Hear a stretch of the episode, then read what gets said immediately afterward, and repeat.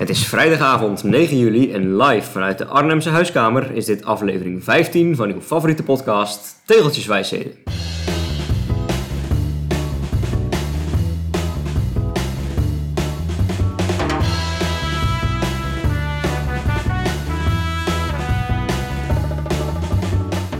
Het was weer zo'n avond. De vrijdagavondritjes beginnen een traditie te worden. Lekker aan het eind van de werkweek nog even uitwaaien op de fiets. Dat mag lang, daar mogen tegeltjes in zitten en het mag af en toe best een beetje hard, maar het hoeft ook allemaal niet, zoals vandaag. Binnen het uur waren we alweer klaar en nog geen 20 minuten later en twee lege pizzadozen verder beginnen we dan net zo traditiegetrouw aan de opname van de podcast. Het bijkletsen en ouwe hoeren over koers gaat in één vloeiende lijn vanaf de fiets door aan tafel. En zo bevinden we ons alweer voor de vijftiende keer tegenover elkaar met een microfoon in het midden. Mogen wij dit een jubileum noemen? Of een jubileum. Jubileum, 15 afleveringen. En eh, ons derde lustrum zou ik het willen noemen. Nou ja, ik vind dat we... Nee ja, als je, als je wilt, dan kun je het een derde lustrum noemen. Laten wij meer op de, de, de lengte in, in, in jaren, zeg maar. Ik denk dat we nu ongeveer op drie kwart jaar zitten dat we dit doen. Volgens mij hebben we ongeveer zo vijf afleveringen per kwartaal. Dus ik denk dat we bij aflevering 20, dat we dan redelijk twee jaar bestaan. Dus laten we dat als eh, volgende jubileum aanhouden. Dit is qua getallen al veel te technisch voor mij. Ik eh, had laatst een aantal maanden met Joanna. En toen had ik haar ook uit eten meegenomen. Tot twee kun je nog wel tellen, toch? Toen zei ik volgens mij, ja, we hebben drie maanden. En toen zei ze, nee, we hebben niet drie maanden. Want ik had in maanden geteld in plaats van in weken. En dat is blijkbaar een verschil. Ja, vier weken is niet altijd één maand. Anders zou elke week 28 dagen hebben. Ja, voor mij had dat ook eh, prima gekund. Dus ik eh, geloof erin dat het eh, inderdaad nog geen jubileum is, maar het is wel een mooi rond Maar getal. goed, hoe meer eh, goede redenen om een keer samen uit eten te gaan om iets te vieren, des te beter, toch? Ja, eens. Ja, nee, en vandaag niet echt een hele noemenswaardige rit gemaakt. Een rondje hetere Oostenrijk. Ja, leuk rondje.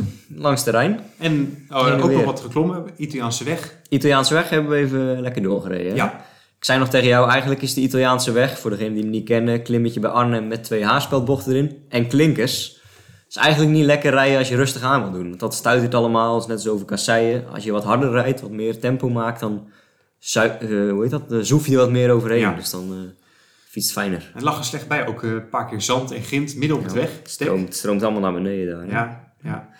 Maar een niet noemenswaardig ritje in de, in de kilometers en in de wattages misschien. Maar eh, ik heb me goed vermaakt hoor. ja, heel fijn. Zoals in de intro eh, beschreven, gewoon heerlijk eh, vrijdagavond eh uitwaaien. Ja. heel fijn. Ja, op naar het weekend. En de, de, de after eh, eh, borrel, zeg maar, de, de pizza smaakte er niet minder om voor het aantal kilometers. Nee, we hadden eigenlijk de stille hoop dat wij weer een gratis pizza zouden Ja, scoren. de vorige keer was was weer vrijdagavond. ook op een vrijdag. En dan krijg je de pizza tweede pizza gratis. gratis. Bij New York Pizza. het Maar ja, niet zo wezen. daar deed dus niet aan. Maar goed, eh, het valt qua prijs al meisje nog heel lief aangekeken met z'n tweeën, maar Ja. ze was niet te vermurwen. Het mocht niet baten. Nee. Laten we terugblikken op aflevering 14. Want eh, ja, qua terugblikken op Ja. vandaag hebben we niet zo heel veel meer te Er is bespreken. weer eh, veel gereageerd, zie ik al staan hier. Ongelooflijk veel. Onder andere door een nieuwe naam, Stan Driessen. Ja, die kennen we allebei, want die heeft net als wij in 2018 Ja. gekoerst bij het Dutch Food Valley Cycling Team. Woont in Gent en eh, is ook lid van Redo. DT, in belangrijke toevoeging. In de Betuwe. Eh, is eh, ja, actief in de fietsenwereld, werkt ook in de fietsenwereld. En om die reden werd hij ook agressief op de kijktip die ik de vorige keer had Oh jee. aanbevolen. De Dream Build Bike. Jij viel daarbij in slaap. Dat was een man die dan Ja, ongeveer dat was die rustgevende fietsvideootjes die jij had. een half uurtje lang. En Stan Driessen zei tegen mij dat hij daar agressief van werd. Vanwege het gebrek aan torque wrenches. Dat is speciaal gereedschap waarmee je precies weet hoe hard je een bout moet aandraaien. En het viel Stan, ja, wij zien dat niet, maar het valt Stan dan weer op dat hij ook niet altijd de juiste carbonpasta gebruikt om de schroefjes mee in te smeren voordat je het in een fiets draait. Dus Stan kan daar niet relaxed naar kijken. Ja, ja. Dus de echte, de echte fietsspecialisten, hè, die, eh, die daar eh, hun vak van maken, die zeggen eigenlijk dit is mij te min. Ja, die zien dingen die wij niet zien en die kan er dus niet van genieten. Ja, net zoals dat je zeg maar als kenner naar de Tour zit te kijken en je ergert aan Maarten Ducro. Of Mats Smeets vroeger voorheen, zeg maar, omdat die er eigenlijk te weinig van weten. Of te weinig renners herkennen, omdat ze niet elk heel het jaar koers kijken. Maar de gemiddelde toerder weet dat niet. Zo herkent Stan de, de Ja. hiaten in het, eh, in het fietsknutselen van jou. Of althans van jouw eh, inspiratiebron. Ja. Maar wat leuk is dat hij als alternatief een andere luistertip, leestip, kijktip Het is een radio, eh, radioprogramma, geloof ik, hè, wat hij noemt. Ja, nou, hij had dus Zom- podcast, zomertijd eh, van Hans eh, van Zomeren heet hij, geloof ik. Nou, het gaat niet zozeer om dat programma, maar hij luisterde onze podcast. En dat deuntje van ons met die trompet die ik ooit ergens gevonden heb. Ja, dat ongeveer. Dat deed hem denken aan het programma Zomertijd op Radio 10. En dat klinkt ongeveer zo. Live instart, dames en heren.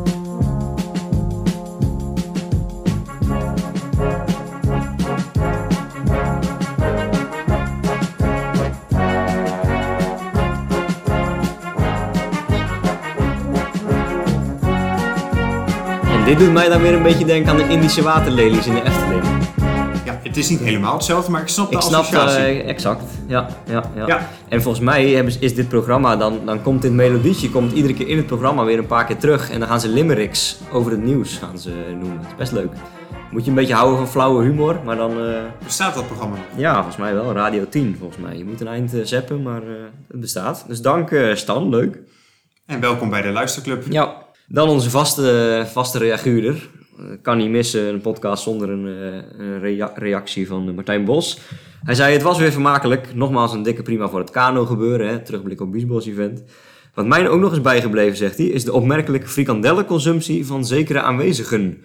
Dat jullie dit niet noemenswaardig genoeg vonden voor de podcast, zegt wellicht dan wel voldoende. Ja, ik was gechoqueerd door het aantal frikandellen dat er inderdaad na afloop van die kanotocht eh, naar binnen werd gewerkt. Ja, nou, Martijn was gechoqueerd, jij was gechoqueerd. Dan blijven er natuurlijk alweer weinig eh, mensen over die dan eh, aangerekend kunnen worden Ja, voor het frikandellen Maar ik wist niet zo goed hoe ik dit kon bespreekbaar maken. Eigenlijk ook een vorm van tegelmisbruik. Ik, was gewoon, ik vond het te, te ongemakkelijk om het erover te hebben. Maar jij en er was nog een andere Oli- deelnemer. Olivier Snitzeler. Ja, Olivier, nou, jullie hebben er misschien wel tien per persoon weggewerkt. Ja, En ja, Ja. echt om eh Heerlijk. misselijk van te worden. met appelmoes, hè. Een, een beetje eh, voor de, voor de smeerolie. Ja, ik durfde er niet over te beginnen, Martijn. Dat is de reden. Ja, nou ja, Martijn, ik schaam me er niet voor. eh, dus eh, ik nodig je uit om nog weer een keer samen frikandellen te kopen. Ja, over vette hap gesproken. Je hebt vanavond misschien wel je laatste pizza in de komende Ja, maand gegeten. ja, ja we, als we de, waarschijnlijk knippen we de aflevering weer in tweeën. Gaan we straks nog een tour special opnemen. Hè? Dus dan gaan we het daar uitgebreid over hebben. Maar eh, ik ben de komende vijf weken eh, niet in de buurt van de New York Pizza stand eh, bij mij in de straat. Dus eh, dat wordt eh, afzien op de pasta en de rijst en de aardappels. En de, Benieuwd of je dat nog kan.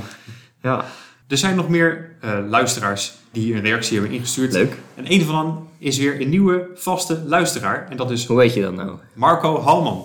Nou, dat is een. Als die nu stopt, is er geen vaste luisteraar meer. Ik denk niet dat hij stopt. Dat is de man van een goede vriendin van mijn moeder, van Renate. Eh, zelf ook wielrenner. En vindt het leuk om ons te leren kennen via de podcast. En ook om het fenomeen tegeltjes beter te ontdekken.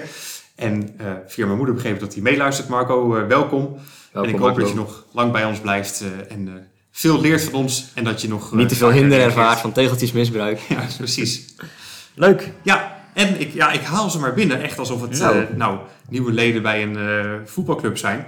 Maar ook Wiebe Snelting en Mirjam Fuselier, die zijn allebei Reto-leden, hebben zich ook eh, bij mij eh, gemeld als luisteraar. En Wiebe, die is eh, secretaris ook bij de club. En die heeft al wat leuke ideetjes voor ons. Die denkt dat het een heel goed idee zou zijn als wij een wielertenu zouden gaan maken in Delftsblauw met een tegelspreuk erop. Dus nou ja, En dan er- allemaal een andere tegelspreuk. ja, nou, misschien met onze naam erop, met een mooi tegeltje. Ja. Eh, dus nou ja, luisteraars, als jullie graag een shirt van ons willen hebben, laat het weten. En misschien kunnen we daar wat eh, mee doen. Ja. Hij schreef hoeft, ook eh, nog- hoeft niks aan verdiend te worden. Het is gewoon eh, geheel belangeloze merchandise. eh, voor het goede doel. Hij schreef ook nog dat ik altijd gebruik moest maken van mijn democratisch recht stemmen. En dat is een. eh, Oeh, dat is wel een eh, terugblik op eh, aflevering 8 of zo, denk ik. Ja, dat was Eh, net- 15 maart waren de verkiezingen. Precies. Toen jij van tevoren, een week voor de verkiezingen, zei van... Nou, ik weet niet of ik ga stemmen, want eh, het doet me niet zoveel. Dat heb ik ook niet gedaan. Maar daar is Nou, Wiebe ik ben dus het dan helemaal van, eens eh, met, met Wiebe. Ja, Ja. Ja. nu zit je met de gebakken peren, met je boerenburgerbeweging en je, je, je Volt en je e, bij één, hoe heet het allemaal. ja, hou jij ze nog uit elkaar? Ik, Nee. eh, nee, ik volg het ook niet meer. eh. En we zijn nog niet door de luisteraars heen. nee, shirtje, Mina zeggen. Gerrit Geuvers, die, nou, die heeft het een en ander meegemaakt. Gerrit is de, de eigenaar van het wielencafé in Doetinchem, hè? En ook de Met de, mooie, met de mooie naam. Parijs is nog ver. Kijk, daarover later meer. En hij is ook de presentator van de Gruppetto, waar ik samen met Jelle Nijdam en Arno Daleman vaak aanschuif voor een eh, Podcast. gesprek over wielrennen. Eh, ja, die heeft een vreemde maand achter de rug, want zijn Nou. fiets werd gestolen. Nou, Hij viel, en had twee lekke banden en hij viel. En toen liet hij zich verzorgen door een vrouw. En die vrouw heeft zich bij hem thuis heeft hem laten afzetten. En, zodat hij zich even kon verzorgen. Maar in die auto van die vrouw was geen plek meer voor de fiets. Dus Gerrit had de fiets achtergelaten. Dus hij Ah. liet zichzelf thuis even opknappen. Ging weer terug naar die plek. Maar die fiets was weg. dus hij is letterlijk en figuurlijk afgezet. Afgezet. Ja. En eh, hij zag op camerabeelden dat er een, ja, we kunnen wel zeggen, idioot eh, met een scooter ja, de fiets mee had genomen. Eh, en later is er een man geweest die bij de politie heeft gemeld dat hij de fiets heeft teruggevonden. Aha, En vermoedelijk is dat de dief geweest. aha. Die hem ja, terug heeft gebracht. In de achterhoek gaat dat nog zo, dan zijn er nog eerlijke mensen. Ja, hij heeft gedaan alsof het gewoon volgens mij een eh, Ja, sympathieke man is. Maar te stiekem was dat de dief. ja. Ja, in ieder geval, het is fijn dat Gerrit zijn fiets weer terug heeft. Een mooie azuurblauwe Bianchi. En heeft hij daarvoor of daarna de tegel van Schenk en Chans eh, afgevinkt? Voordat die ellende eh, losbrak, had hij inderdaad nog een tegeltip voor ons. Schenkertjans is een eh, tegel eh, in Duitsland. Ja, langs de Rijn. En jij zei, ja, je moet eigenlijk echt naar dat dorpje toe om dit... Ja, we hebben die in, aflevering 4 of 5 of zo behandeld in de tegelrubriek. Het is een soort schiereiland eh, wat aan het vasteland zit, langs de Rijn. Volgt u het nog? Een beetje zo ten noorden van Kleven. En de enige manier waarop ik dacht dat je daar kon komen, is zeg maar die hele landtong, dat hele schiereiland, 5 kilometer heen, 5 kilometer terug af te fietsen. Even ten noorden van het dorpje net de tegel aan te tikken, want hij ligt dus voor een groot deel in de Rijn. Maar zij, volgens mij zei jij het ook al een keer tijdens de podcast, misschien kan je via de noordkant, aan de noordkant van de Rijn, als je de pier oploopt, kun je misschien ook afvinken. Nou, onze Gerrit heeft dat bewezen. Inderdaad. Het kan. Maar ik twijfel dus waar, of het nou wat er efficiënter is. Zeg maar. Gewoon even lekker, gewoon over prima asfalt, 5 kilometer heen, 5 kilometer terug fietsen. Aan de goede kant van de Waal ook nog, hè? zuidkant. Of dat je aan die lelijke noordkant van de rivier, eh, eh, ODW, zoals we dat in Nijmegen noemen, over de Waal. over met je fietsschoentjes over van die basaltblokken moet gaan klauteren. Ja. Ik weet het niet. Toen wij het de eerste keer over dit tegeltje hebben, toen... eh, Ik zou dat toch wel tegeltjes misbruik noemen als ik daar tijdens een fietsrondje op zo'n pier word ja, gestuurd. ja, ja, ik zag de eerste keer wel dat het mogelijk was. Maar ja, Gerrit heeft daad bij het woord gevoegd. Dus, eh, nou, Ja, en Gerrit is ook degene die de, de, de term tegeltjes misbruik heeft geïntroduceerd in Ja, deze podcast. ja, die hoorde dat op het terras bij, bij het Wielencafé. het is best wel een invloedrijke man eigenlijk in onze podcast. Over dat tegeltjesmisbruik. Ik heb daar, as we speak, nog even een, eh, een, een recensie bijgeschreven. Ik was dus laatst aan het fietsen met Martijn Bos, vriend van de show. En ik vroeg, wij, wij kwamen door een, door een, eigenlijk door een, een, een ja, soort missetje in de, in de route. Pakte net niet de tegel mee, zag ik op mijn Ride Every Tile app. Dus we moesten een stukje terug. Toen zijn we gaan improviseren. En toen kwamen we dus gewoon een- ineens met rechts van ons een grasdijkje. Links van ons zo'n zo'n beek. Moesten we gewoon door een stuk hoog, stuk hoog gras. Een hele strook. Ik denk wel 800 meter. Volgens de Garmin en online. je haalde net nog gras uit jouw Ja. fietsschoenen. Net, net nog eh, voor deze rit. De gang, gang ligt hier nu vol met, eh, met gras uit, eh, uit Duitsland. Maar toen vroeg ik mij, al fietsen daar door het hoge gras, ik heb er nog een filmpje van gemaakt, is ook nog op onze Instagram van Tegeltjeswijs eh, terechtgekomen. Vroeg ik mij, al fietsende door het hoge gras af, als er sprake is van tegeltjesmisbruik met wederzijds goedvinden, is het dan ook nog sprake van misbruik? Misschien moeten we daar in- iemand die in de juridische sector zit, is, eh, Als je allebei instemt, ja, of het dan nog misbruik is. ja, Dat denk ik niet. nou ja, nee, dus... eh, Nou, ja, Martijn en ik hebben elkaar heerlijk in het hoge gras misbruikt. op de fiets. kijk, jullie zijn allebei meerderjarig. Ja, dus volgens mij is dat dan nog. juridisch een minder groot probleem. Ja. Kijk, stel dat jij minderjarig was, dan was het ondanks jouw eh, instemming Maar als misschien onze wel. partners erachter komen, dan hebben we wel een probleem misschien. Ja, wat jij al met gas uitspoot, ik, ik was er gelukkig niet bij. Het gras zat tot in de oren. Ja, wilt u nog terugkijken? Bekijk de filmpjes op de Instagram. Oh, dat kan niet. Dat staat er maar 24 uur op. Nou, zijn we ook bewijsmateriaal nog kwijt. Enfin, het is Strava. tijd om eh, door te gaan volgens mij. We gaan het over eh, het echte wielrennen hebben. De Tour. Ja, van Duitsland naar Frankrijk, de Tour de France. We zijn nu net, ja, hoeveel etappes verder? Poeh, 12, 12, 14. 13. Cavendish heeft vandaag zijn record gepakt. 34 overwinningen, staat er mij op gelijke hoogte Evenaard. Ja. Eddy Merckx. Ja. Evenveel etappes gewonnen. Ja, heel bijzonder dat het hem nog gelukt is. We komen er bij de, de AB-vragen nog op terug, denk ik, hè, op die Cavendish en Merckx. Want het is wel een fenomeen natuurlijk. Ja, Ja. eh, toch wel een beetje de vraag die boven deze Tour uithangt. En die wou ik eigenlijk vermijden, maar die we toch moeten stellen. Is Pogacar schoon of niet? Ja, ik ben geneigd te zeggen van niet, maar ik heb sowieso mijn, mijn gemiddelde indruk van het profpeloton ook de afgelopen acht jaar, zeg maar. Waarin de mens, meeste mensen denken van, nou, afgelopen jaren waren wel wat schoner. Ik, ben, ik ben gewoon zo van de instelling gegaan, uit zelfbescherming ook, om teleurstellingen te voorkomen. Ik ga er gewoon vanuit dat ze allemaal gebruiken, alle 198. En Pogacar heeft denk ik nu gewoon iets nieuws gevonden, of iets beters, of die durft meer het randje op te zoeken. Want ja, nee, ik, eh, ik zou mijn handen er niet voor in het vuur durven steken. Maar Ik ook niet. Ik zei net op de fiets al tegen jou, hè, want dat is eigenlijk gewoon de voorbeschouwing op de podcast. Pogacar heeft nog wel gewoon een redelijk natuurlijke groeicurve doorgemaakt. Vanuit de junioren beloftekoersen zie je ook al dat hij er met kop en schouders bovenuit stak. En het is niet voor niks dat hij nu in zijn eerste twee profjaren gewoon continu constant presteert. Dus dat zou je nog gewoon ja, een natuurlijke trend kunnen noemen. Wat ik opmerkelijker vind, is het presteren van Bahrein dit jaar. Ja. Ze hebben zichzelf al Victorious genoemd, hè? Bahrein Victorious. Als, nou, dat maken ze meer dan waar. Want begon al met Caruso, die normaal gesproken altijd achtste, negende, tiende wordt in de grote ronde. Was nu ineens tweede in de Giro, won een aankomst bergop. Stond achter Kelderman in dat rijtje van World Tour eh, hè, top 10 zonder overwinningen. Nou, die is nu weggevallen, want hij won in de Giro. Toen kregen we Pardon? Mark Padoen. Twee etappenzegers in criterium du Dauphiné en vervolgens niet naar de Tour. We hadden al Gino Meder met etappenzegers in de Giro, ronde van Zwitserland. Hadden we Colbrelli, die ineens alles kon. En, eh, Top 10 etappes- in een bergetappe. Nu ook nog derde in de bergetappe. Ja, Poels zou je nog kunnen zeggen. Ja, het was geen wereldprestatie, maar daar hadden we weinig van gezien de Nee. afgelopen twee Ja, jaar. en vooral die Padoen, ging ook ineens weer altijd een opleving Ja. voor de bolle trui. Vooral Padoen, Caruso en Colbrelli, dat is eigenlijk bovenmenselijk goed. Ik, eh, ja, ik vind het toch wel teken aan de wand. Maar ja, ze zeggen dan altijd hè, zo heel veilig en, en roomse dan de pauze. Je mag mensen pas beschuldigen als je concrete aanwijzingen hebt. Nou, die Ja. heb ik natuurlijk niet, want ik zit helemaal niet in dat wereldje. Maar Maar gewoon voor, als, als leek, als volger, frontsteken mijn wenkbrauwen. wat voor het eerst wel dit jaar is, eh, vergeleken met andere jaren, is dat er echt vanuit de wielerwereld zelf ook ja, anonieme geluiden opkomen Oh ja. van andere ploegleiders en clubs die zeggen, ja, er is hier echt iets mis en we balen ervan. Ze willen allemaal niet eh, in de openbaarheid over spreken, maar je merkt wel dat het rommelt. Nou, ook wel, die, die, eh, ook wel, wel in de openbaarheid, zonder anonimiteit. Thomas de Gent en Greg van Avermaat, die tweeten geloof ik van die dingen van... Ah, ik trap gewoon hogere vermogens dan de afgelopen jaren, maar ik moet nu gewoon moeite doen om het peloton bij te houden. Waar ik zeg maar twee jaar geleden eh, Ja. mee kon. Thomas de Gens zei dat, maar die heeft later ook een rectificatie op zijn eigen berichten gezegd. Want Sportza had dat overgenomen. En Sportza had erbij gezegd, kijk, dit gaat over doping.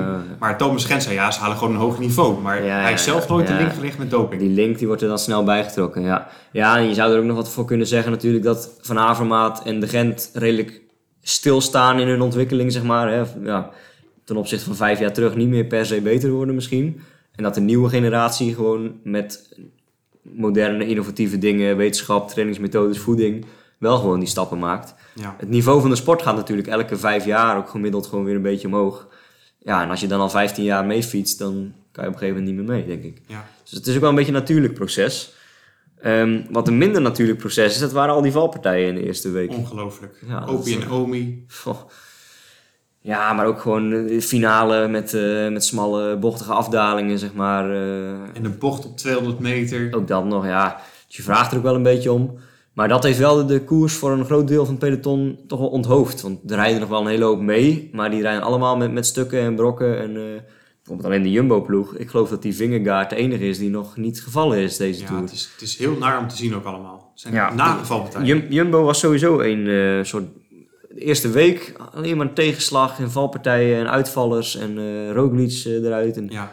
tot Wout van Aert ineens twee keer ervan toe kon beklom, beklimmen. En eh, Ja, die laat wel weer zien hoe enorm veelzijdig die is als wielrenner. jeetje man, ik, ik vergeleek het net op de, tijdens de voorbeschouwing op de fiets ook met...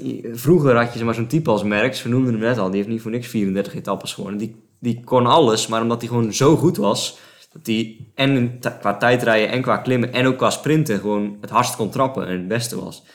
Toen is de sport zich gaan ontwikkelen en kreeg je wat meer specialisten. Hè. Je kreeg Cipollini die de, de sprints ging winnen. Je kreeg eh, van die hele smalle ranke klimmers die de bergetappes gingen winnen.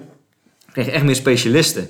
Ik vergeleek dat altijd, het vrouwenpeloton nu, dat, daar zie je dat is echt nog in ontwikkeling. Want je had zo Vos, Van de Breggen, Van Vleuten, dat waren gewoon de heersers, die wonnen alles. Tijdrijden, de klimmen, de klassiekers. En nu krijg je voor het eerst bij dat vrouwenwielrennen dat je een beetje specialisten krijgt. Een Lorena Wiebes, een sprinster. Je, je krijgt wat meer zo de Waalse specialisten, de Vlaamse specialisten. Dus ik zag dat, concludeerde ik zo, die, die trend ziend, als nou, dat is de ontwikkeling die het wielrennen doormaakt. Maar wat schetst nou de verbazing? Juist in de periode dat dat wielrennen zo ontwikkelt, we hadden het al over nieuwe generatie, nieuwe innovatieve dingen, krijg je twee van die vogels van, Poel, van de, eh, Mathieu van der Poel en Wout van Aert, die gewoon opeens weer alles kunnen. Die steken er gewoon weer met kop en schouders bovenuit. Ja, het is ouderwets. En ik Ze denk kunnen als tijdrijden, ze kunnen klimmen, ze kunnen sprinten, ze kunnen als nog veldrijden en mountainbiken ook. Van Aert en Van der Poel willen, kunnen ze de Tour de France winnen. Ja, ja, dat denk ik ook. Je ziet het aan Van Aert nu. Die heeft al twee winters lang met die Jumbo-ploeg op hoogte en op, op trainingskampen echt op dat klimmen getraind. Nou, je ziet wat hij doet. Vorig jaar reed iedereen op kop eraf. Nu rijdt hij een bergetappe als, als eerste. Ik denk dat als Van der Poel dat wil, en hij zou zich er ook zo twee jaar helemaal op richten. Hè, denk ook aan wat Wiggins gedaan heeft, van baanrennen naar rondrennen. Dumoulin, van tijdrijden naar rondrennen. Van der Poel zou dat denk ik ook kunnen. Een uitzondering hoor, want normaal geloof ik er nooit zo in, die omvormingen. Maar ik denk dat Van der Poel het gewoon niet wil. Ja. Die heeft helemaal geen zin om drie weken lang eh, elk grammetje af te wegen En en, daar eh, denk te ik dat- sparen. Uiteindelijk Van Aert ook een me- meer complete wielrenner is. Dus niet fietser, want Ja. hij doet niet aan mountainbiken. Maar Ja, Van Aert puur leent zich meer voor het klassement, denk ik. Ik zie die nog wel inderdaad gewoon de Ronde van Zwitserland, Romandie, gewoon jaar na jaar winnen. ja, Maar ik denk dat ook Van Aert te veel veldrijder, sprinter, tijdrijder is om zich echt helemaal op een tour te richten. Want dat zie je nu bijvoorbeeld bij Roglic, die gooit gewoon zijn hele programma van tafel. Hij rijdt bijna alleen nog maar de tour. probleem Ik denk, ook ik denk niet dat Van der Poel en Van Aert dat ervoor over hebben. En als zo'n Van Aert te veel gewicht verliest, verliest hij ook weer kracht. Kan hij minder goed sprinten. Ja. Ik zou het leuker vinden als zo'n Van Aert een volgend jaar in dienst van, of in, in, de, in de Jumbo-ploeg gewoon een keer alles op alles wordt gezet om gewoon die groene trui te winnen. Want dan kan hij bijna elke etappe aan. Dan kan hij elke etappe punten winnen. Zowel tijdritten, bergritten als sprintetappes. Alleen nu doet hij dat steeds niet, omdat hij of halve knecht is, of hij wil zich sparen voor weet ik veel wat wat nog komt. Ik zou het wel leuk vinden als Van Aert gewoon à la Sagan gewoon de komende vier, vijf jaar de groene trui wint. In ieder geval, we hebben het nu over mannen waarmee het goed gaat. Mannen waarmee het absoluut niet goed gaat. Die rijden bij DSM. Poeh, zeg. Oh. Het vroegere Sunweb, die toen toonaangevend was. Want ze waren de eerste die werkten met data, met voedingsschema's. Maar er is nu helemaal niks meer over van die tijd. De een naar de andere kopman vertrekt. Ik las vandaag Ja. dat Jay Hindley, de winnaar van de vorige Giro vorig jaar, Ja, de eh, nummer ook weer twee, vertrekt. Ja. Oh ja, de nummer twee. Excuus voordat we weer rectificatie hebben. Maar die gaat naar Bora Hans Kroon waarschijnlijk. Ja. iedereen loopt daar weg. Ja, er straalt echt weinig energie uit. Er zijn een vreugde in die ploeg. eh. Ja, en daarnaast heb je natuurlijk dat verhaal van dat al die kopmannen elke twee jaar weg zijn. Het is echt een lange rij al van kopmannen. Degenkop, Kittel behoort het al mee natuurlijk. Maar Dumoulin. Barguil, Matthews, Dumoulin, Kelderman. Eh, wie had je vorig jaar nog? Eh, Hirschi. Nu eh, Hindley.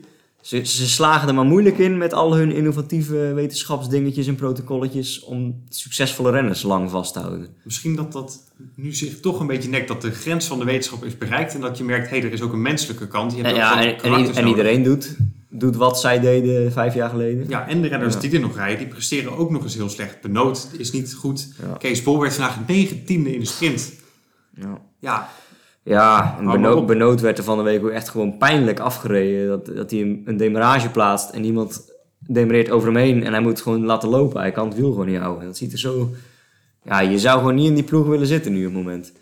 Terwijl vorig jaar gingen ze ook met een, ja, dachten we allemaal van tevoren, flutploeg naar de Tour. En winnen ze vier etappes eh, met Hirschi en Krach Andersen. En, eh, dus het kan ook soms gek lopen hoor. En ik denk dat zo'n eerste paar dagen in zo'n grote ronde ook wel heel bepalend zijn voor hoe je qua sfeer in de ploeg en in de bus. En ja, het is net bij Jumbo nu. Die, die weten het om te vormen een beetje met Van Aert en Vingegaard, wat best knap is. Bij DSM zie je ook gewoon, dan komt er zo'n sleur in zo'n seizoen en ze hebben geen zelfvertrouwen. Ja, dan eh, heb je een heel moeizaam jaar. in een voetbalteam zou je dan zeggen, oké, we gooien de coach eruit. Tja. Misschien moeten ze dat ook eens doen bij DSM, want die leiding zit er al wel een aantal jaar. Ja, ja. Eike Visbeek zit daar volgens mij nog steeds. Ja, ik weet niet of dat de oplossing is, maar eh, ze hebben ook gewoon een beetje pech, denk ik. Hmm. Het valt af en toe net verkeerd, maar dat, dat ze die kopmannen jaar na jaar verliezen, dat is wel een structureel eh, Hmm. probleem, denk ik. Ja. Wij zouden nu eigenlijk naar de tegelrubriek gaan, maar we hebben geen tegels gehad deze week. Nee, we slaan de tegelrubriek even een keertje over. Al is het maar om de, de mooie, mooie mozaïek op de Instagram-pagina bij te kunnen houden. Want voor de mensen die het nog niet is opgevallen, houden we een perfect patroon aan. Om en om. En we nemen straks nog de Tour Special op hierna. En daar hebben we natuurlijk wel een mooie tegel bij. Dus we, we verplaatsen hier wel wat, gewoon wat Instagram-fotootjes bij eh, van vandaag. En dan eh, volgt de tegel, eh, de tegel van de week, die volgt dan straks. Ik heb wel een tegeltip. Stats Hunter. Ehm, Ja, dat is een al- beetje het gratis alternatief voor VeloViewer, hè? Ja, en we hebben het in het verleden al gehad over VeloViewer eh, en Strava. Die kun je koppelen, zodat je in Strava ziet hoe je een route kan bouwen om tegels te scoren. Ja, filter met je tegels over de route bouwen. Ja, maar ik ben een grote fan van Komoot, waar je ook routes mee kan bouwen. En daar heb je nu ook een plugin voor, waardoor je een mooi raster daarover je En dat is dan de kunt leggen. plugin van Stadshunters, geloof ik. Precies. Ja, dus kun je ook een account voor aanmaken. Ehm, de eerste paar keer dat ik het gebruikte, werd Komoot iets trager, maar eh, het wordt volgens mij geüpdate, want ik heb daar nu geen last meer van. Hmm. Dus het is een aanrader om het eh, goed bij te Ja, houden. top. Ja, Goeie wat jij tip. wel zei, volgens mij zit er een heel klein beetje een afwijking in het Ja. raster. Soms heb ik tegels die ik dan bijvoorbeeld op VeloViewer wel heb. Want daar kijk ik altijd naar mijn vierkant. En dan kijk ik weer even een keer op Stadshunters. Dan heb ik ineens een vierkant van 13 bij 13. Omdat daar soms net een tegel... Hè, je, je raakt soms wel eens een tegel op eh, centimeter. En die tegels die liggen dan net anders soms. Ik denk dat... ik denk dat VeloViewer het, het raster net anders heeft liggen dan, eh dan. Ja. Hey, en over tegels gesproken en eh, verzamelen. Moet jij nog naar het defensieterrein het Harde? Ooit wel een keer, ja. Want Ja. liefhebbers van tegels en een wegwedstrijd rijden, die moeten eigenlijk op donderdag 19 augustus zich aanmelden voor de eh, ZAC-competitie, de zomeravondcompetitie. Dat is dan namelijk op het defensieterrein. Oh. Kunt je dan melden bij de poort Kijk. en dan mag je op het terrein zelf een wedstrijd gaan rijden. Het probleem is, je fietst niet over het hele defensieterrein. Ja, dus je pakt misschien maar één tegel of zo. Ja, eh, maar ja, misschien dat je daar als toeschouwer heen kan. Het En is, je gaat het daar- is volgens mij wel, ik heb dat parcours te kijken, het is wel net de zuidelijkste tegel volgens mij. Dus stel dat je naar het noorden aan het uitbreiden bent, dan kun je met dit rondje misschien net één rijtje opschuiven. Dus eh, je moet even kijken op zomeravondcompetitie.info. Daar staat een eh, kalender en daar kun je ook aanmelden voor die koers. En ja, als je nou als undercover, als toeschouwer naar zo'n wedstrijd gaat en je loopt stiekem over de rest van het terrein, volgens mij is dat dan best wel een eh, Dat is wel een goeie, ja. mogelijkheid. De wandelschoenen mee. Dus de tip bij deze, gegeven. Ja, leuk. Maar ja, voor, voordat ik met mijn vierkant en mijn cluster echt daar aan toe kom, eh, ik sla even nog een jaartje over. Ja, Ik kom er voorlopig toch niet aan toe om tegeltjes te ik verzamelen. een jaar of twee, drie, misschien heb ik dan een keer moed gehad om naar eh Harskamp te gaan. Nou, ik denk het niet. nou ja, de tegel eh, is er dus niet deze week. En de AB-vragen zijn ook erg karig. Maar het is wel één hele mooie. Die heb ik zelf bedacht namelijk. Cavendish of Merckx? Eh, en is het dan de vraag wie, wie het record gaat pakken? Wie, wie nog op het eerste 35 komt? Ja, dat is alleen nog maar Cavendish. Ik denk dat Merckx volgend jaar gewoon weer meedoet hoor. Dat hij niet denkt, eh mijn record... Ja, ze hebben nu allebei 34 etappenzegers in de Tour. Ja, wat is jouw favoriete renner? Nou ja, het is eigenlijk geen vergelijking, joh. Merckx heeft eh, vijf keer de Tour gewonnen. En hoe- nog zoveel keer de Giro en de Vuelta. En eh, wereldkampioen, Belgisch kampioen. Ja. Alles geweest. Cavendish is ook heel veel kampioenen geweest. Ja, maar Kevin is gewoon een pure sprinter. Die heeft 34 keer exact op dezelfde manier gewonnen. Lead-out, massasprint en handjes omhoog. Het is wel totaal anders. Ik heb laatst voor mijn tourboek, komen we zo over te spreken, de, de top 10 van renners, zeg maar. Want we hebben het nu altijd over Kevin en Merckx, maar eh, de top 10 zijn bijna alleen maar renners uit de jaren 30, 40, 50, 60, zo tot en met Merckx. Kevin is echt een vreemde vogel in die ploeg. De, de eerstvolgende die daarna komt is denk ik Cipollini met, met, ja, met 19 of zo toeretappes. Mm, echt een groot verschil. Kevin is echt lang ja, onom, onomstotelijk de beste geweest. Maar wat hij nu doet, na vier jaar volgens mij geen toeretappe hebben gewonnen. Ja, ik vind het echt wel super knap, super mooi. Ik hou er altijd van als van die ervaren vedettes nog een keer eh kunstje presteren. Maar misschien wat ik het allerleukst vind, is hoe die ermee omgaat. En hoe die... eh, al die interviewtjes van hem op Sporza zo leuk en zo Ja. open en Ja, zo vol lof over, over Van Aert, over zijn ploeggenoten, over Ja. Merckx, over... Het lijkt alsof het een andere renner is dan die Cavendish die zeg maar de- voor Columbia, HTC en, precies. en Quickstep de toen agressieve eh, Sky. uitdelen. Ja, Dat viel me ook op. echt een leuke kerel geworden. Na een van de vele zegens alweer deze Tour omhelst hij volgens mij Tim de Klerk. En Tim de Klerk zei tegen hem, oh, you're in the form of your life. Je bent in de vorm van je leven. Ja, Maar toen zei Cavendish, nee, ik ben in de ploeg van mijn leven. ja, Dat ja. was een heel mooi tekenend antwoord. Van, hij weet ook van, hij kan zo goed Ja. presteren vanwege die lead-out, vanwege Ja. Morkov, vanwege Tim de Klerk. God, Morkov vandaag ook weer zeg. Die werd gewoon tweede in de sprint. Hè. Ja, nee, maar dat is mooi is dat goed, iemand zeg. ook als kopman zegt van, nee, ik kan het alleen maar vanwege mijn... Ja, en vaak krijg je een beetje van die afgemeten cliché-praatjes van ja, het ligt aan de ploeg. En, eh, maar bij Cavendish zie je het ook gewoon, hij, hij voelt en, en hij, hij meent dat in alles wat hij heeft. Hè? Ja, Ik heb nog nooit een sprinter zo vaak en zo lang zijn ploegmaten zien bedanken en knuffelen. En, En zelf gaf hij ook geen zak om dit record. Hij zei Ja, of hij nou één etappe zege wint stiekem of wel, 50. denk ik. Ja. Hmm, Nou, voor de Tour had hij hier helemaal niet op durven hopen dat hij drie, vier etappes won. Was hij Nee. al lang blij dat hij weer mee mocht doen en dat hij in aanmerking zou komen voor een sprint. Toen won hij er één. Toen was hij helemaal euforisch. En toen vrij snel daarna won hij er nog één. En ik weet zeker dat hij toen is gaan nadenken van nou, er komen nog vier etappes deze Tour die ik zou kunnen winnen. Hij is daar echt wel mee bezig. Alleen de journalisten en iedereen om hem heen is er nog veel meer mee bezig. Dus kan hij iedere keer zeggen, nou ja, daar ben ik niet zo mee bezig. Maar reken maar dat dat een trots mannetje is die dit eh, hartstikke mooi vindt. Maar het is een beetje net zoiets als een topscorerstitel in, de, in het voetbal. Daar ben je ook niet van tevoren aan het seizoen mee bezig als, als je wil gewoon kampioen worden. En, maar als je dan zo drie wedstrijden voor het eind eerste staat in die ranglijst, dan wil je ook... En ik denk dat Kevin dus ook beseft dat dit wel eens zijn, zijn laatste jaar of zijn laatste twee jaar kunnen zijn dat hij dit zou kunnen doen. Dus ik denk dat hij heel blij is als hij voor, eh, of in Parijs eh, op 35 komt. En eh, misschien dat hij dan wel eens ermee kan stoppen. Als je het hebt over stoppen op je hoogtepunt, dan had hij misschien al een paar jaar eerder moeten stoppen. Maar dan had hij dit niet meegemaakt. Maar ja, het is een prachtig het, val, wederopstandingsverhaal. het valt ook wel op zijn plek hoor. Want als je naar die top 10's kijkt waarin hij nu staat. Het, is ook, het zijn niet de sterkste bezetting qua sprinters in de Tour. Hè. Er zijn er natuurlijk al een paar uit. Sagan, Ewan, Bennett doen niet mee. Ik denk dat als hij dit volgend jaar weer gaat proberen. En eh, Viviani en Bennett en Ewan en Sagan die staan weer allemaal aan de streep.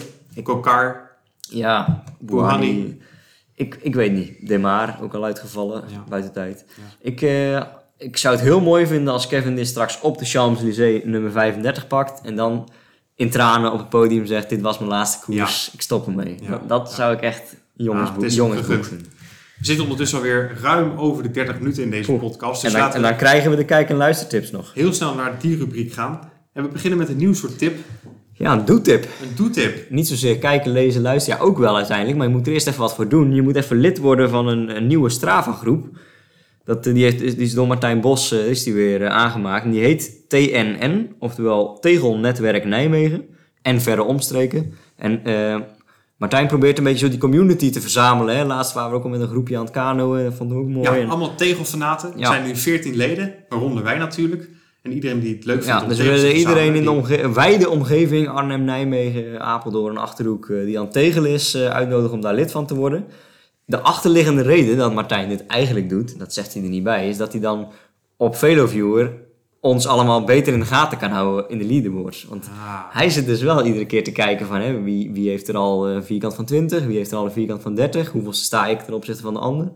Dus hij is altijd te zoeken van die namen, zeg maar. En nu kan hij dus in één club, door één club te selecteren in die leaderboards, kan hij meteen al zijn, eh, zijn tegelvrienden eh, in de gaten houden. En wij kunnen zien hoeveel onze luisteraars per week fietsen. Ja, ook dat. Dat is ook leuk. Ja, want jij zegt dat hoeveel, hoeveel, eh, hoeveel fietsen. Er is nog een leuke Strava groep, waar mensen, als we het dan toch erover hebben, eh, lid van kunnen worden. Dat is de Ride Every Tile Strava groep. Dezelfde naam dus als die Garmin app. Ehm, stuk populairder, grotere club, heel internationaal. Maar daar zitten dus al die toppers zitten daarin. Die, die, die, Domi- die Dominique en die Jurgen Knupen. Maar ook die, die Nederlanders met die clusters. Koos Woestenberg en eh, Jorik eh, Dix, geloof ik. Die zitten allemaal in die groep. Dus daar is echt een soort community ontstaan van tegel, eh, tegelaars. En daar kijk je ogen uit. Ik heb net daar in de leaderboards gekeken. Maar er zijn dus mensen die gemiddeld meer dan 1000 kilometer per week Ja. fietsen. Ik heb het idee dat het aantal pensionado's in die groep relatief hoog is. Ja. Mensen die hebben gewoon al, eh, voordat het eh, donderdag is, hebben ze al duizend kilometer achter de rug. ja, nou ja, als je dan 1000 kilometer in de benen hebt, dan heb ik nog wel een leuke kijktip voor je. Namelijk Ferry. Op Netflix is die te bekijken. Leuke actiefilm. Dat is van die man van de Jumbo-reclames. Frank Lammers. Frank Lammers, ja. Altijd een beetje zo'n wat pafferige zak. Maar, maar wel een hele leuke. En Laat dit het is, hem niet horen, anders stuurt hij Ferry op je af. eh, die film is gebaseerd op de serie Undercover. Ja. En eh, deze film gaat eraan vooraf. Dus die kun je eerst kijken en dan Undercover. Of Ik heb eigenlijk zowel. Undercover als Ferry nog niet gezien, maar ik weet eigenlijk dat ik het leuk, is heel erg dat ik het leuk. leuk vind. Dus ik moet, Ja. staat op mijn lijstje om nog te doen. Kijk, het is een beetje gewelddadig. Het gaat over drugs, het gaat over geweld. Maar omdat het Nederlands is, heeft het ook altijd een beetje zo'n humoristisch sausje Ja, eroverheen. precies. Altijd een beetje kneuterig. En eh, een hele goede die ik daar ook vind, is dat die, die politieserie met Jeroen van Koningsbrugge en, eh, en Dennis van der Ven. Ik ben even de naam kwijt. maar In Tilburg. Ook zo'n politieserie, gewoon net zoals Flikken Maastricht of zo. Best wel best wel gewoon serieuze recherche, zeg maar. Maar ook allemaal van die, van die flauwe eh, Jeroen van Koningsbrug humor tussendoor. Het heeft altijd wel wat. heerlijk. Ferry is leuk. Hij staat op Netflix eh, zeker aan te raden. Ik heb nog wel meer kijktips. Nou, kom maar door. De Zesdaagse TV. Dat is in het leven geroepen toen de Zesdaagse van Rotterdam, dat is een wielerwedstrijd op de baan, eh, vorig jaar door de coronacrisis niet door kon gaan. En toen is er een YouTube-kanaal gestart met ongeveer één keer per maand een talkshow. Met de organisatoren van de Zesdaagse TV en eh, wielrenners. Eh, ja, met Lucinda Brandt bijvoorbeeld. En vorige week schoof daar acteur Leo Alkema aan. Komiek, is ook vaak te zien op de nationale televisie. En van blijkt ook- Holland, sluipschutters. Sluipschutters. Ja. Blijkt ook eens een hele fanatieke wielrenner te zijn. Rijdt op een Specialized, droeg ook Specialized kleding. Ehm, en heel leuk hoe hij daarin vertelt. En in Zesdaagse TV hebben ze ook iedere keer als afsluiter een prijsvraag. En omdat er niet zo heel veel mensen naar kijken, is de kans ook wel aanwezig dat je iets wint. Vrijkaarten voor de Zesdaagse of een shirt. Dus nou, eh, abonneer je daarop zou ik zeggen. En eh, zijn leuke talkshows. Michael Bogert, Erik Dekker, die schuiven ook daar ook wel eens aan. De hele vriendenclub van eh, Michael Zeilaert, eh, de, de koersdirecteur van de Zesdaagse, herken ik erin terug. Het hele regio Zuid-Holland schuift aan. Hoor. Inderdaad. Eh, En vanuit Leo Alkema, die er dus zelf was, eh, gaan we ook door naar een luistertip. Namelijk een lied dat hij heeft geschreven en dat heet In het Wiel. Ik geloof dat we weer een live instart krijgen, dames en heren. De techniek staat voor niets eh, vandaag. Kom maar bij je vader in het wiel. Waar de wind niet met je speelt, maar jij wel met de gedachte. En dat er boven zoveel moois nog op je staat te wachten.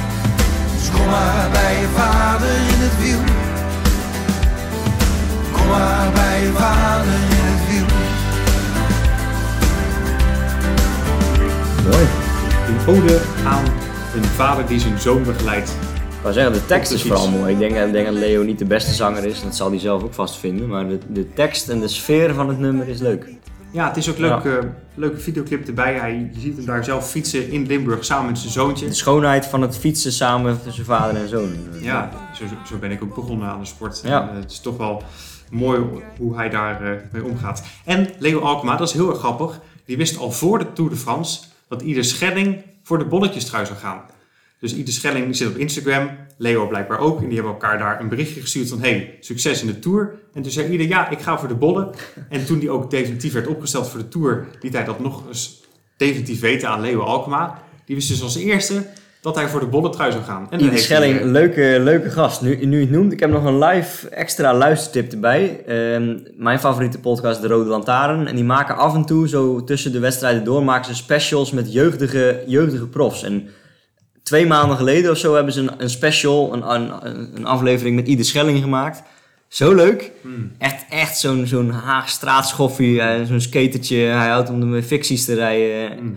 Gewoon vlotte babbel en niet allemaal van die, van die clichés eh, die je zeg maar van al die andere renners hoort. Maar gewoon, hij roept gewoon wat hij vindt en eh, is niet beroerd om eh ploeggeheimen te delen. Of, dat is echt een luistertip. Ja, Mm. ja en de kijk, kijktip, blijf genieten van ieder Schelling. Want dat is heerlijk om zo'n aanvallende renner te hebben. We hebben gewoon een beetje type Terpstra. Gewoon bravoure en aanvallen. Niet die ploegdiscipline en klassementsambities. En, eh, Ja, heerlijk. Heerlijk, ja. Ja, heerlijk. Tot slot nog een leestip en die komt van Tubantia van de krant. Concurrent. Eh, nee, Oh. die zitten allemaal bij dezelfde uitgeverij als de Gelderlander. Ja, En die hadden vandaag, en dat is eh, 9 juli, een update over Maurits Lammertink. Die werd tien dagen ja. geleden hard Ja. aangereden toen hij een ijsje wilde halen voor zijn kinderen door had hij net gehoord dat hij niet was opgenomen in de tourselectie van Wanti. Ja, dacht, Toen overkwam hem dit. ga even relaxed een ijsje halen. Werd toen eh, heel hard onderuit gereden. Is nu weer thuis. En eh, in dat eh, verhaal van Tubantia spreekt hij ook openhartig over wat er allemaal met hem aan de hand was. En ook hoe dat voor zijn vrouw was. Eh, daarin lees je onder andere dat de schade in ieder geval relatief meevalt. Hij heeft geen permanente hersenbeschadiging. Daar was Dat is wel flink ernstig fijn. aan toe. Ik heb het niet helemaal gelezen of meegekregen toen. Maar eh, hij was aanvankelijk ernstiger dan, eh, Ja. dan het nu lijkt. Ja, het was echt wel eh, heel erg. Maar hij is er redelijk, redelijk goed van afgekomen. En de schade die hij heeft, die is hopelijk tijdelijk. Fijn. Dus, nou ja, mocht je het nog lezen, het staat allemaal op Tubantia. Poeh, en alsof het niet genoeg is, nog een laatste leestip. En daarmee maken we eigenlijk het bruggetje van deze reguliere aflevering naar de special die we hier eh, achteraan gaan opnemen. Ehm, als leestip, ja, het, het, tourboek waar we komende vier weken in gaan, eh, gaan kijken. Die jij hebt gemaakt. Als voorpret, eh, ja, we hebben het er straks nog uitgebreid over, maar als voorpret voor mijn eigen Tour de France heb ik een, een tourboek opgesteld. Gewoon zoals de Pro Cycling gids en de, de, de rides zeg maar, nu ook maken met plattegrondjes. Maar dan voor mijn eigen etappes. Dus daar gaan we straks eens lekker doorheen bladeren tijdens de special. Dus eh, luisteraars, u weet het al, u kunt nu al uitkijken naar een volgende aflevering. We gaan deze snel afsluiten. En even tussendoor wat drinken, denk ik. En dan gaan we er lekker door met opnemen. Tot de volgende. Bedankt voor alle reacties en tot de volgende. Aju.